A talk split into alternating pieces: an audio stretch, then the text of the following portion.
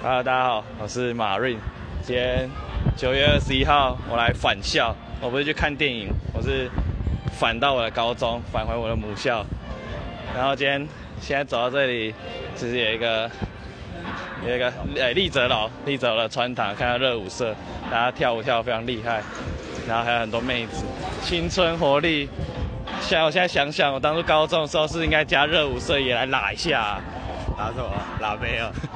Lucky，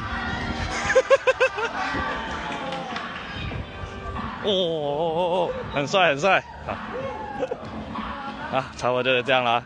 好，今天返校就到这里了，大家再见，拜拜。